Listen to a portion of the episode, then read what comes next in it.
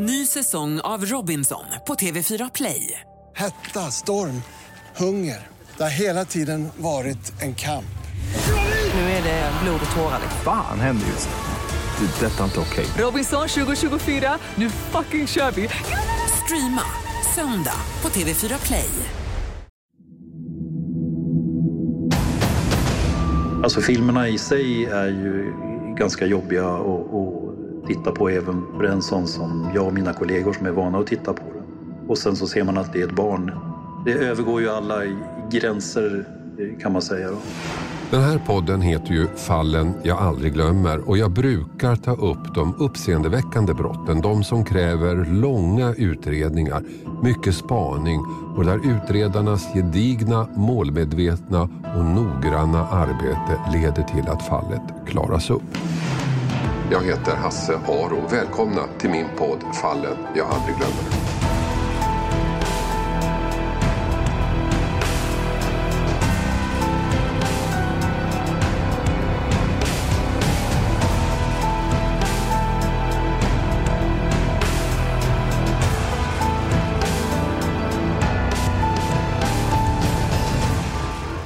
Men idag blir det lite annorlunda. För det som jag ska prata om är, trots att det handlar om ett vidrigt brott, något av ett rutinärende.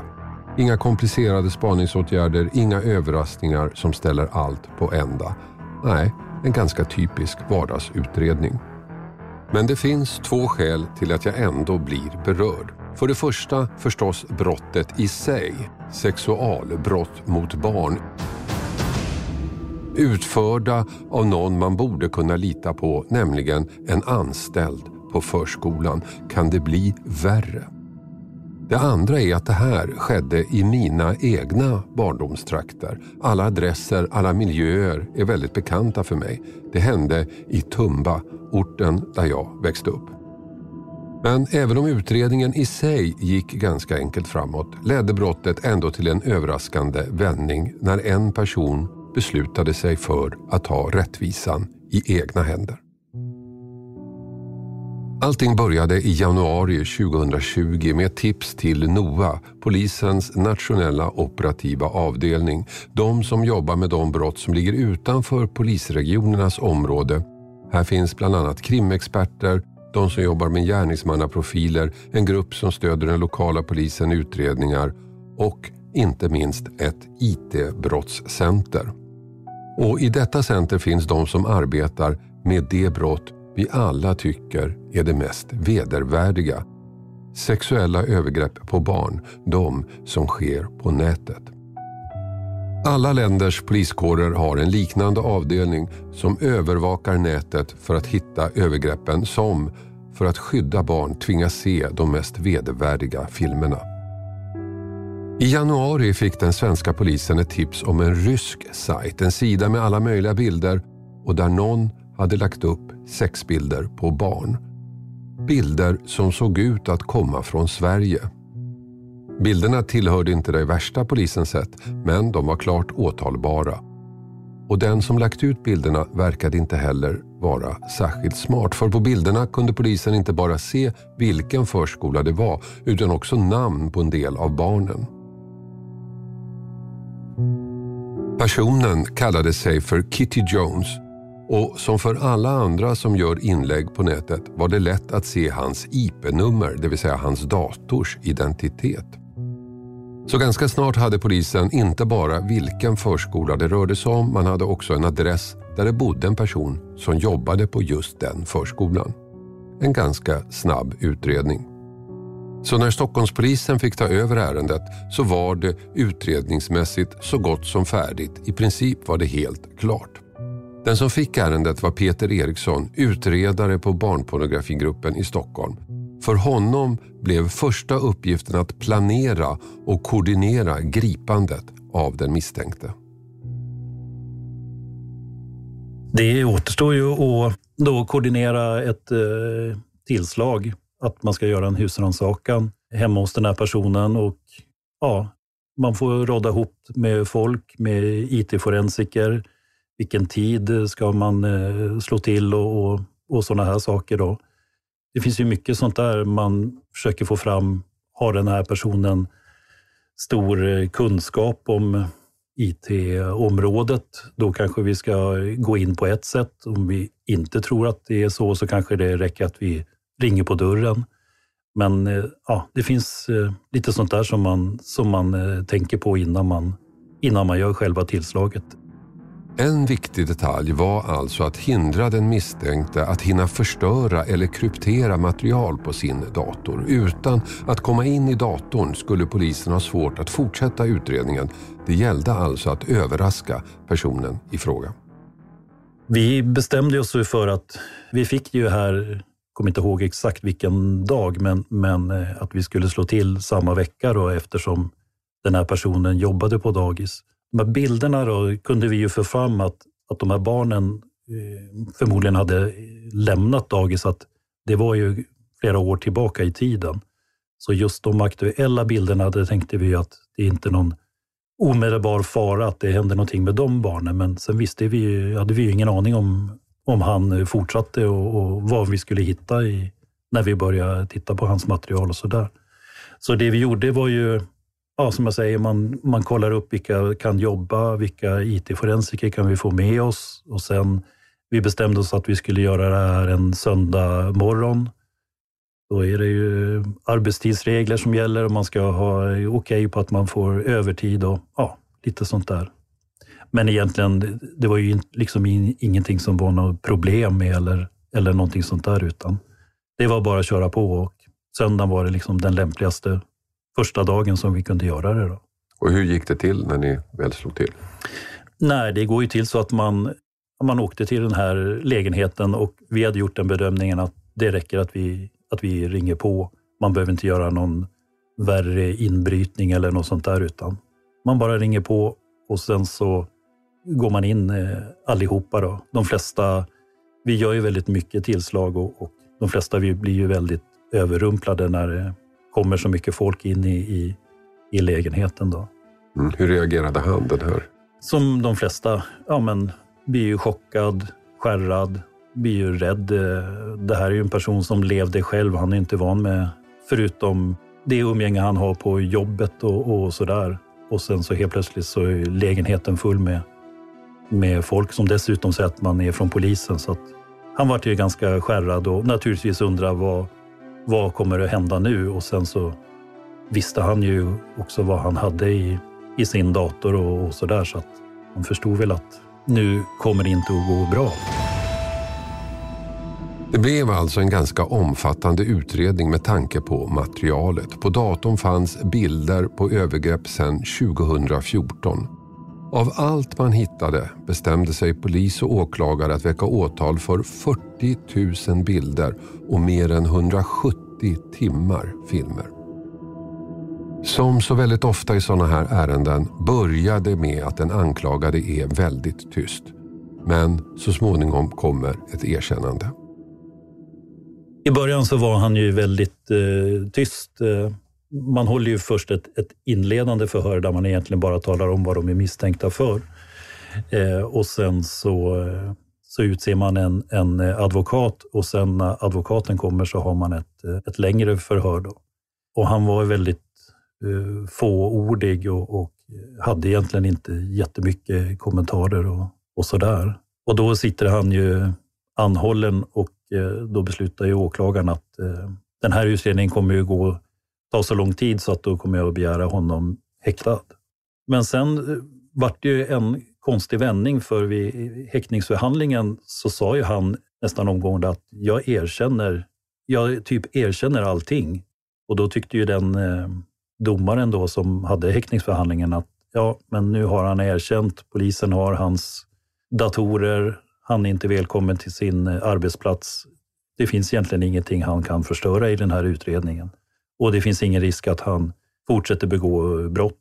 Så eh, han vart ju utsläppt då efter, efter häktningsförhandlingen.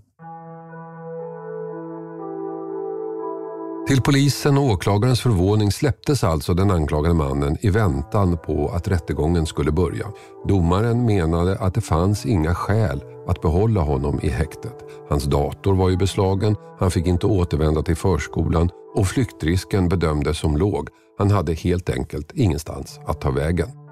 Men frisläppandet fick andra konsekvenser.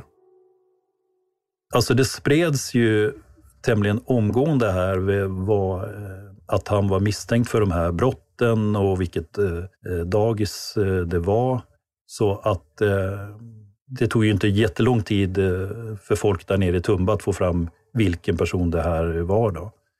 Så att eh, det vart ju en väldig hatstorm som det brukar vara mot sådana här personer. Då.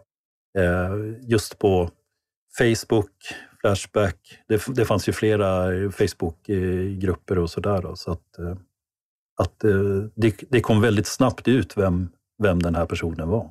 Och då var det en av föräldrarna som åkte hem till honom och misshandlade honom helt enkelt? Ja, det, så, så blev det. Det var en pappa till en pojke på förskolan som beslutade sig för att ta lagen i egna händer. Utan att veta om hans barn var en av de drabbade åkte han helt enkelt hem till förskoleläraren och spöade upp honom, som vi uttryckte det i Tumba på min tid. Det här väckte naturligtvis väldigt stor uppmärksamhet. Pappan gick själv ut anonymt i Efterlyst för att förklara sitt handlande. För vår reporter Alina Müller berättade han om vad som hände. Jag står på jobb och det är som vilken dag som helst. Och så ringer min fru mig helt förstörd. Och berättar att polisen har hämtat en av min sons pedagoger och han är misstänkt för att vara pedofil. Alltså, han är omhändertagen av polisen. Alla tankar snurrar i huvudet. Man är arg, man är rädd, man är upprörd. Framförallt så är man arg. Man är rädd att det har hänt sitt barn någonting. Det tar över allting annat. Jag kan knappt komma ihåg vad jag tänkt eller någonting utom att tänk om han har gjort någonting mot min son. Smärtsamt för alla andra föräldrar som går igenom samma sak, som, som inte får svar på det de undrar mest. Det, han hade haft hand om så många barn, flera hundratals barn. Det upprörde ju hela, hela jäkla kommunen blev ju helt lamslagen där ett tag. Och så framförallt så tänkte jag på hur fan kan man släppa ut honom på gatan igen? Hur, hur, han erkänner brott och ändå så släpper de ut honom ett dygn senare.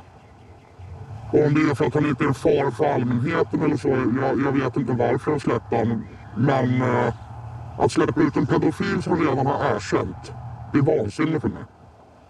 Jag kan aldrig säga att det är rätt att attackera eller slå en annan människa, men eh, eftersom polisen inte höll kvar honom och fick svar på tal när han redan har erkänt på en gång så är någon tvungen att ta ställning och få honom att kläcka ur sig.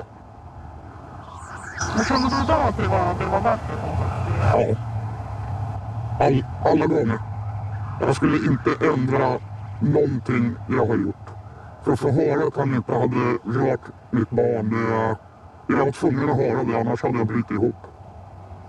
Annars hade jag, annars hade jag brutit ihop.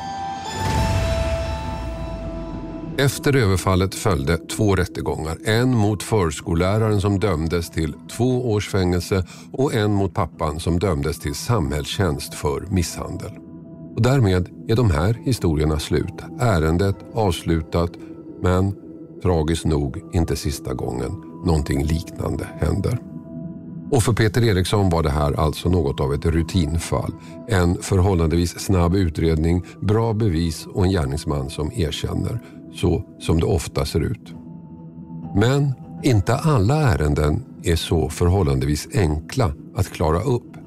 Peter Eriksson har varit med om mer komplicerade fall och nu blir det väldigt obehagligt. Jag vill varna för det. Den här podden heter Fallen jag aldrig glömmer och med jag i det här fallet så är det mig vi menar. Men du har ett fall som du aldrig glömmer. Berätta, varför har just det fallet etsat sig fast? Ja, det var ju när jag jobbade som barnutredare i Sollentuna 2015. Och då var jag och eh, min kollega Magnus, vi brukade hjälpas åt i, i de här barnutredningarna. Och då fick vi ett ärende som från början var ju liksom eh, ett ganska trivialt brott Ja, det ser ut som ett ganska enkelt brott. En man stöter på en ung pojke. Men det blev inte en utredning utan tre. Och steg tre ledde till en annan man, en pappa, en småbarnspappa som våldtog sin egen treåriga dotter och filmade det. Men det visste alltså inte Peter Eriksson och hans kollega när de tog emot anmälan från en mamma i Sollentuna 2015. Det var en tolvårig pojke som eh, hade berättat för sin mamma att en dag när han ska ta bussen hem från skolan så eh, blir han eh, ja, i stort sett uppraggad av en man som kommer i en sån här eh, trafikledarbil. Mannen erbjuder sig att köra hem honom. Och eh, Normalt är det en resa som tar tio minuter med buss och eh, nu när man hoppar in i den här trafikledarbilen så sitter de och kör nästan i en eh, timme. Och den här trafikledaren börjar, börjar prata. Han är väldigt eh, trevlig och pratsam och sådär, men ganska snabbt så kommer ju samtalet in på sex och, och eh, han berättar, den här trafikledaren för den här pojken då, att han har haft sex med yngre pojkar och frågar om den här pojken har haft eh, sex med någon och om den här pojken brukar onanera, om han har kondomer och, och sådär. Och det slutar med att han ger den här pojken kondomer och, och sen så eh, händer inte någonting mera utan han släpper av honom i närheten utav hemmet och sådär. Ja, som brott var det inte särskilt allvarligt. Ingenting konkret hände ju. Det pratades bara. Men åklagaren tyckte ändå att saken skulle utredas och att man skulle försöka få tag i mannen. Och det visade sig enklare än man trott. Han hade nämligen gett pojken sina kontaktuppgifter på en chatt och via det kunde Peter Eriksson och hans kollega snabbt få fram vem mannen var. En person som de kallade för Älvsjömannen. Eftersom ärendet inte ansågs så allvarligt tog det ett tag innan Peter Eriksson hittade tid att gå vidare. Men till slut greps mannen och hans mobiltelefon togs i beslag. Och när Peter Eriksson gick igenom den, ja då kom han till steg två i utredningen. Det var mer än 6 000 bilder och 30 000 chattmeddelanden i telefon. Mest bilder på honom själv och chattar med andra män. Bilderna var ju på den här eh, Älvsjökillen, på hans snopp och sen på andra mäns eh, snoppar. Det var det bilderna de här föreställde. Då. Och sen så var det ju massa chattar. Han, han chattade ju med väldigt många män och sådär. Eh, men då var det två utav alla de här bilderna som stack ut. Det var ju en bild på en eh, pojke i tioårsåldern som, som eh, sitter bredvid någon eh, man i 40-årsåldern. Och sen var det en bild på den här pojken när han håller på och dammsuger i någon eh, lägenhet. Och jag tyckte de där bilderna passade liksom inte in i, i, i de andra bilderna. Så att jag tittade på tidsstämpeln på de här bilderna och sen så gick jag in och tittade eh, samma tid i vad han haft för chattar. Och då har han en chatt med en person som nu, nu tar jag också en, en annan eh, förort, men som kallades för Solna 73.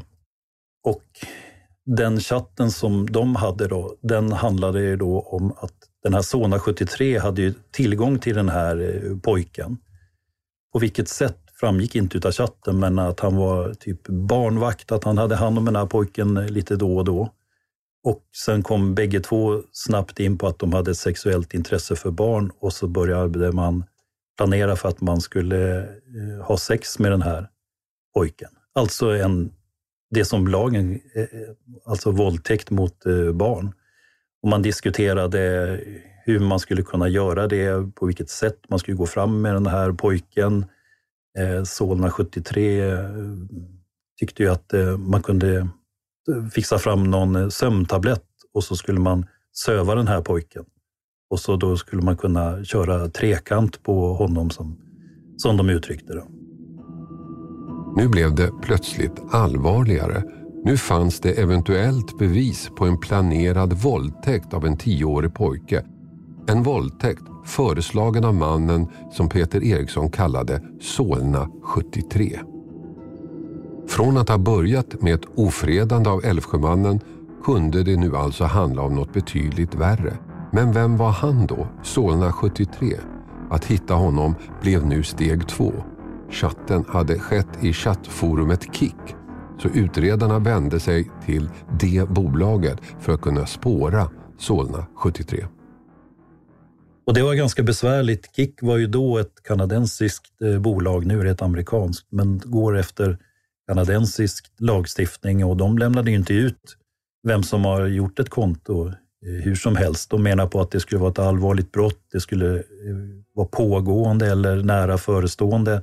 Och de här chattarna låg ju några månader tillbaka i tiden. Då, så att vi skrev några brev, både, både jag och, och åklagaren, och de skickade hela tiden tillbaka att det, det, här är inte så allvarligt, det här är inte pågående. Och åklagaren sa att nu, svarar de inte nu så då vet jag inte vad vi, då har vi liksom, kan vi inte komma vidare på det här. Men då, då gjorde de det och skickade att den här personen som har gjort det här kontot, han har använt sig av en hotmailadress. Och där hade vi ju lite tur för att den här hotmailadressen var ju hans för och efternamn. Och det visade sig när man slog i folkbokföringssystemet så var det ju bara två personer i Sverige som hade det namnet.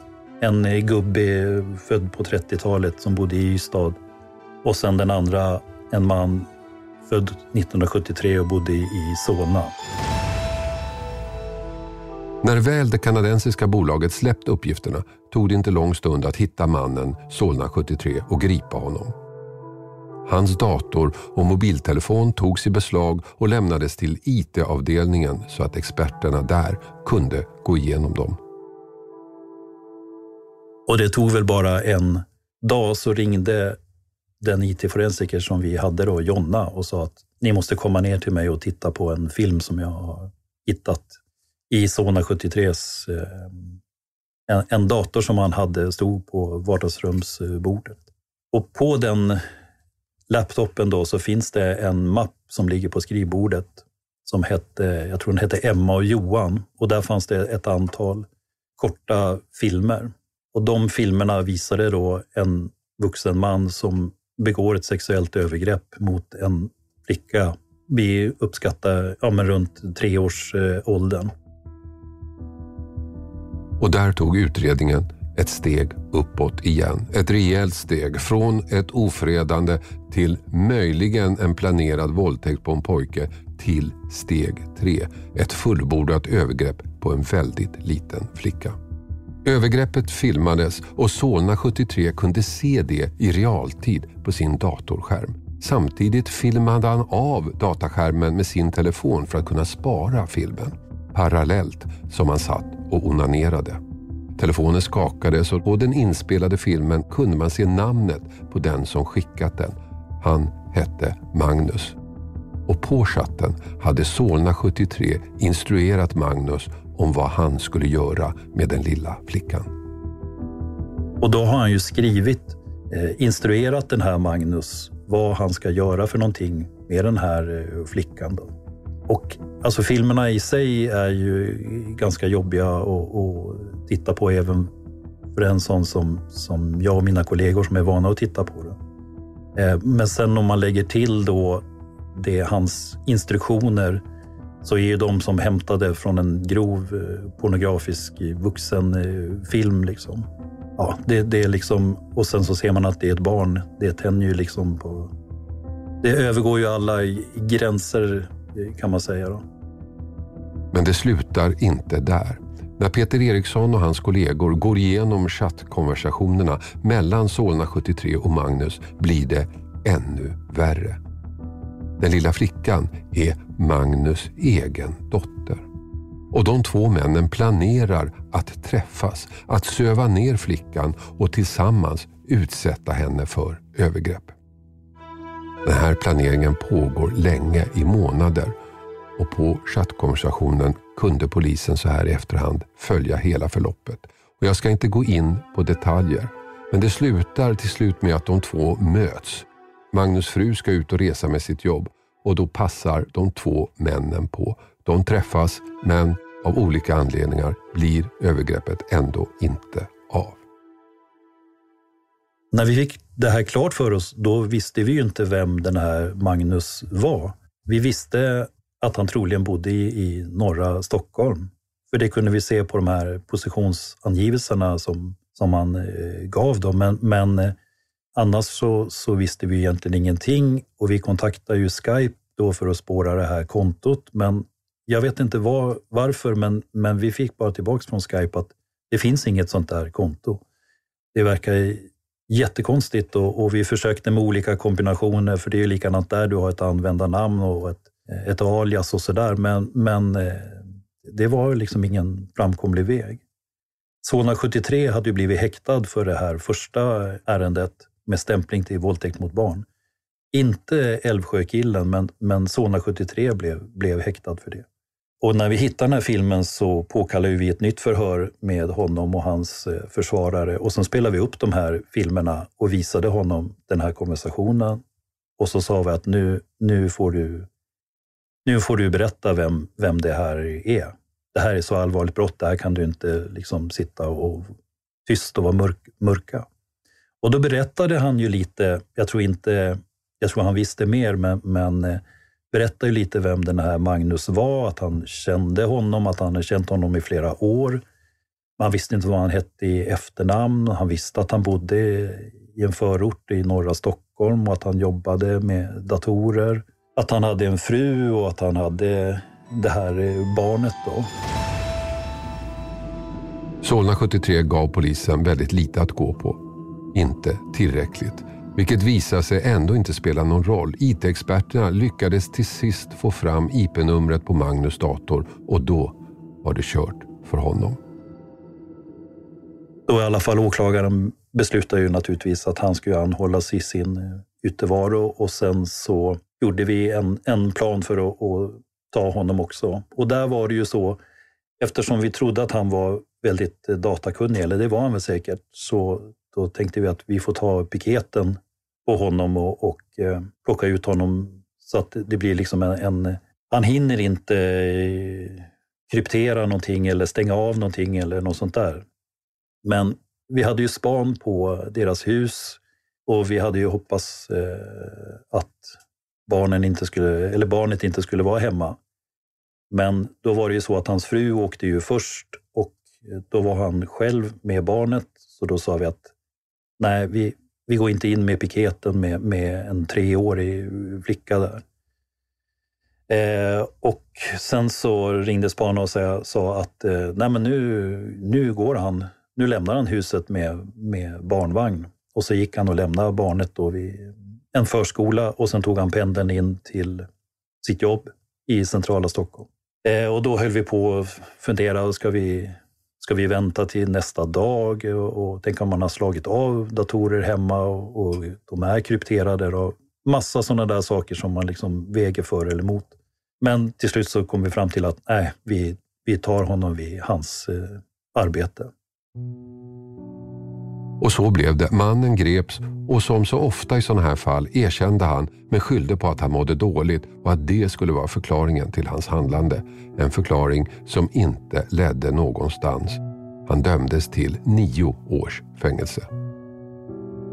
Hela det här fallet började alltså med en trafikvakt som snackade sex med en tolvårig pojke och slutade med att en pappa grips och döms för våldtäkt på sitt eget barn.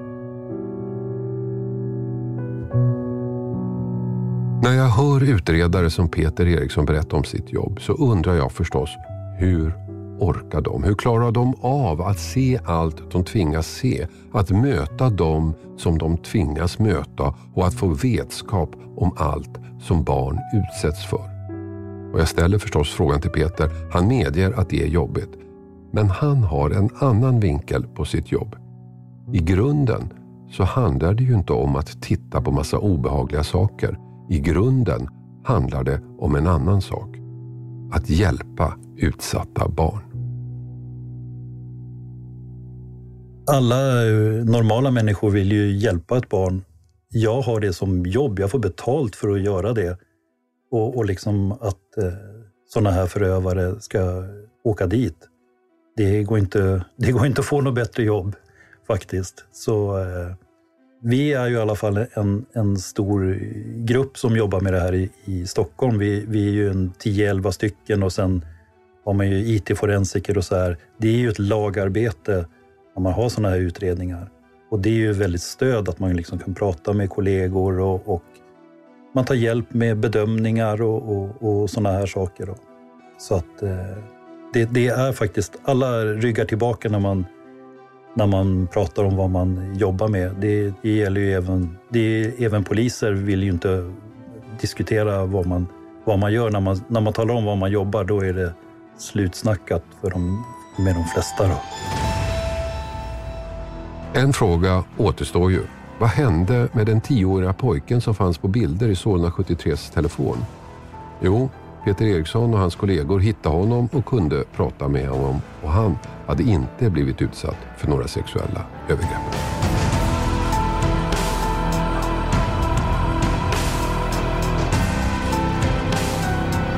Klippning och inspelningsansvarig David Dabba Persson och exekutiv producent Mattias Arvidsson. Ljudinslagen i avsnittet kommer från Efterlyst i TV3. Produceras av I Like Radio.